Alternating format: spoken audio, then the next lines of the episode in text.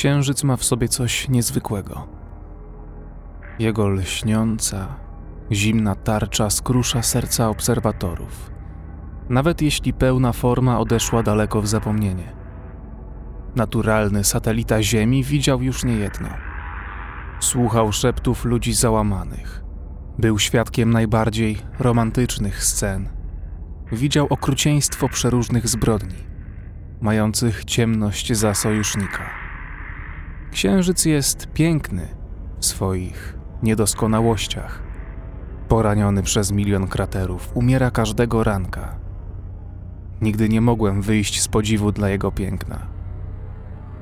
Zawsze jednak wzbudzał we mnie również niepokój, co spowodowane było tym, z czym mi się kojarzył. Mieszkam w miasteczku, które niegdyś było ośrodkiem przemysłowym. Działała tu cukrownia, zakłady. Z czasem wszystko się zmieniło. Działalność państwowa upadła, a ludzie zajęli się rolnictwem, kiedy zauważyli, że to przynosi więcej korzyści. Mamy tu bardzo dobre gleby. Sprzyja to szkółkom leśnym, które powstają w ogromnych ilościach. Zawsze mnie dziwiło, czemu zamiast wycinać drzewo z lasu, znajdującego się za cukrownią, tworzono nowe knieje. Ta gęstwina dobrego materiału na opał nie została naruszona przez człowieka przez ponad wiek.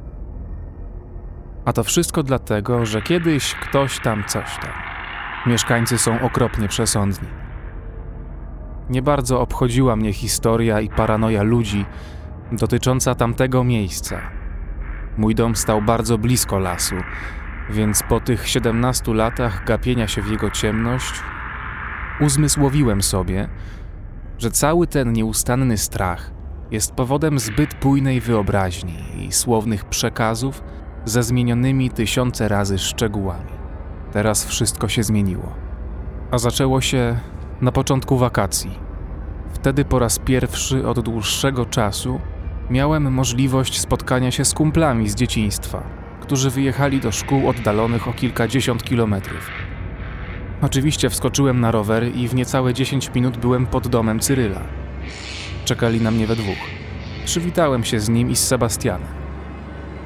Nie mogłem wyjść z podziwu, jak bardzo się zmienili. Oczywiście widywaliśmy się w soboty, ale to nie były jakoś specjalnie długie wizyty. Byłem zachwycony wizją spędzenia z nimi wakacji. Jednak po paru dniach zaczęliśmy się nudzić. Miasteczko to zadupie. Takie zadupie, że nawet psy nie mają nic do roboty oprócz leżenia. W akcie desperacji postanowiliśmy odwiedzić prababkę Cyryla. Zawsze żartowaliśmy, że pamięta czasy przed Chrystusem, ale prawda była taka, że kobieta nieźle się trzymała mimo ciężaru lat. Patrząc na nią, nabierałem pewności, że wredota charakteru konserwuje ciało. Miała doskonałą pamięć.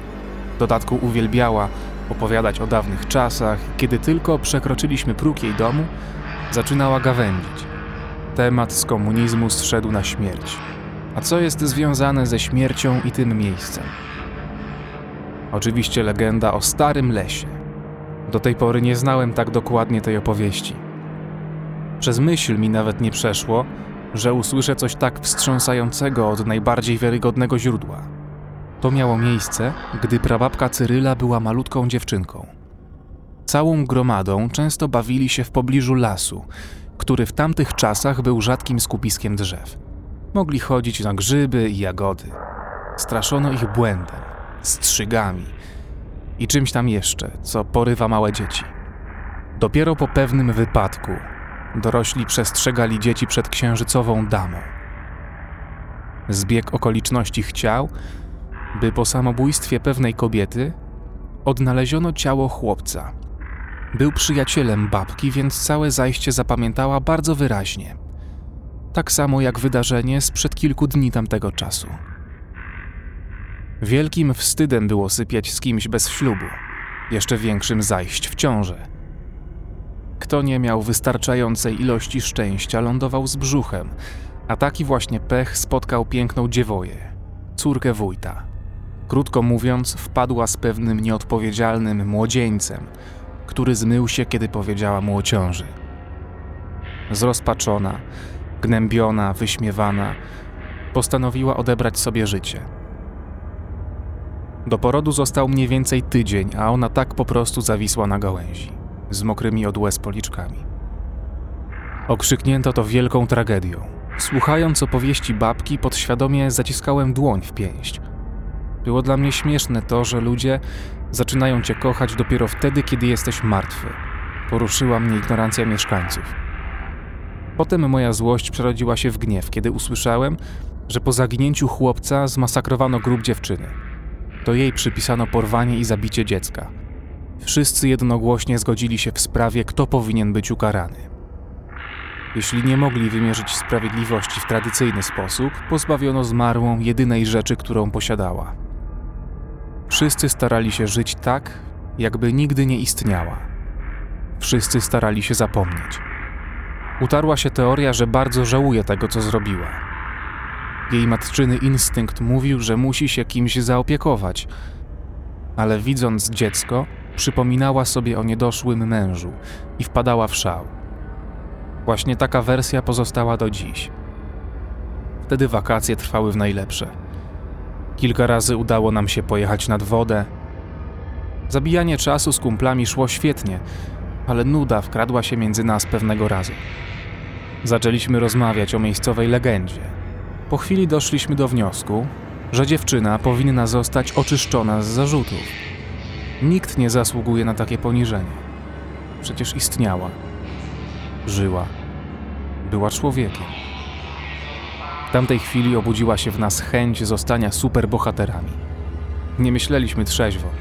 Chcieliśmy poczuć adrenalinę, strach. Dlatego postanowiliśmy wywołać ducha samobójczyni. Sebastian twierdził, że już kiedyś to robił, więc zdaliśmy się na doświadczenie kolegi i przygotowaliśmy wszystko w jego domu. Tamtego dnia ustawiliśmy w pokoju stolik, świeczki i te wszystkie dziwaczne rzeczy, o których przeczytaliśmy w internecie. Zbliżał się środek nocy. Nikogo oprócz nas nie było na posesji. Narysowaliśmy na blacie trójkąt zamknięty w kole, po czym siedliśmy we trzech dookoła stołu. Przyznam, że nigdy nie wierzyłem w takie bzdury jak duchy, zjawy czy potwory. Nawet jako dziecko nie miałem problemu z zostaniem sam w ciemnym pokoju. Jednak tym razem było inaczej. Sebastian odmawiał modlitwę. Ja i Cyryl zamknęliśmy oczy, tak jak zostało nam nakazane. Trzymaliśmy się za ręce i wiedziałem, że ciągle jesteśmy we trójkę. To było logiczne. Trzech chłopaków, nikogo więcej. Choć świadomość pojawienia się między nami ducha wydawała mi się absurdalna, poczułem obecność kogoś obcego. To było nagłe doznanie, które zniknęło równie szybko, jak się pojawiło. Wiedziałem, że nie tylko ja popadłem w niepokój. Słyszałem łamiący się głos i drżenie ciał przyjaciół. Zacząłem się pocić. Moje serce biło tak szybko, jakbym właśnie przebiegł maraton. I nagle wszystko ustało. Strach zacisnął swoje zimne palce na mojej szyi. W jednej chwili nie istniało nic oprócz mnie.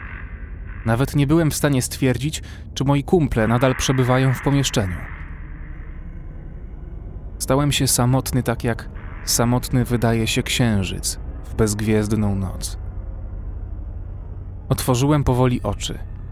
Sebastian i Cyryl siedzieli w milczeniu, gapiąc się przed siebie. Ich skóra stała się przeraźliwie zimna. Wtedy zdałem sobie sprawę z tego, że popełniliśmy najgorszy błąd w życiu. Przepełniony histerią zacząłem szarpać ich ciała, krzycząc, by się obudzili. Na szczęście po kilku chwilach obaj spojrzeli na mnie tym samym znajomym spojrzeniem. Wrócili, pomyślałem. Pokój wypełnił się nerwowym chichotem. Potem wszyscy zaczęliśmy się śmiać, odreagowując w ten sposób stres. Żaden z nas nie wiedział, co dokładnie miało miejsce przed chwilą, i chyba to właśnie tak nas rozbawiło. Umilkliśmy w tym samym momencie. Popatrzyłem na pustą przestrzeń między chłopakami, a potem myślałem, że moje uszy zaczną krwawić przez głośny hałas, który wypełnił cały dom. Nagły dźwięk tłuczonego szkła zatrzymał bicie mojego serca na kilka sekund. Odrętwiały przez nieustający strach. Tkwiłem w miejscu, zaciskając powieki z całych sił. Odważyłem się je podnieść dopiero kiedy cisza przejęła kontrolę nad otoczeniem, pozwalając się przebić jedynie odgłosom zdziwienia. Popatrzyłem w stronę, w którą patrzyli kumple. Wszyscy troje zerwaliśmy się z krzeseł i podbiegliśmy do okna. Nie mogłem w to uwierzyć. Szyba pękła. Pękła w taki dziwny sposób. Wpatrywałem się na wbity kształt dłoni. Oddech zastygł w moich płucach, a w gardle urosła wielka gula. Pod nogami walały się drobne odłamki szkła. Cienkie linie biegły w różne strony, znacząc gładką strukturę szyby. Pomyślałem wtedy o absurdzie, na który patrzę. Tego nie można było wytłumaczyć. To wybicie wyglądało, jakby ktoś napierał z niewyobrażalną siłą na szklaną taflę. Moją panikę potęgował fakt, że wybicie znajdowało się tylko z jednej strony podwójnej szyby. Była to strona znajdująca się wewnątrz domu. Wymieniając ze sobą porozumiewawcze spojrzenia, zbiegliśmy na dół, zostawiając wszystko na swoim miejscu. Cyryl zaproponował, by Sebastian przenocował u niego i wrócił tu, kiedy wzejdzie słońce. Po kilku puszkach piwa nadszedł czas, by się pożegnać. Żaden z moich kumpli nie musiał wracać w środku nocy do domu na końcu miasteczka, przy którym znajdował się stary las. W skrócie, byłem w czarnej dupie rozpaczy. Noc okazała się ciepła, wiatr niósł ze sobą orzeźwiający zapach, a drogę oświetlał mi księżyc. Pełni. Nie było tak źle.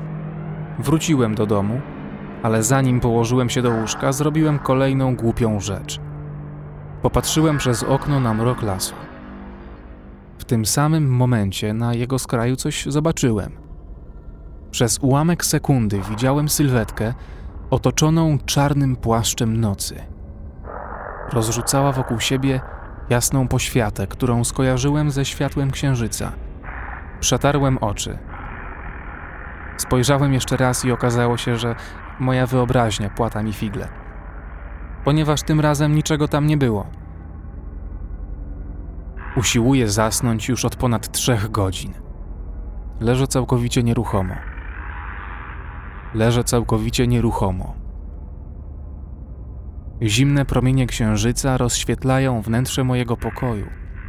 Patruję się w białą ścianę, zbyt przerażony, by cokolwiek zrobić. Słyszę ją. Przez nocną ciszę przebija się dźwięk kołysanki, przerywany co chwilę przez łukanie. Ból zawarty w tym odgłosie jest tak duży, że nie mogę go znieść. Nostalgiczny jęk potępionej duszy, której pokój zakłóciliśmy, odbija się echem w mojej głowie. Wiem, że ona śpiewa dla swojego dziecka. Byłbym w stanie współczuć dziewczynie, gdyby nie fakt, że melodia rozlega się tuż pod moim oknem.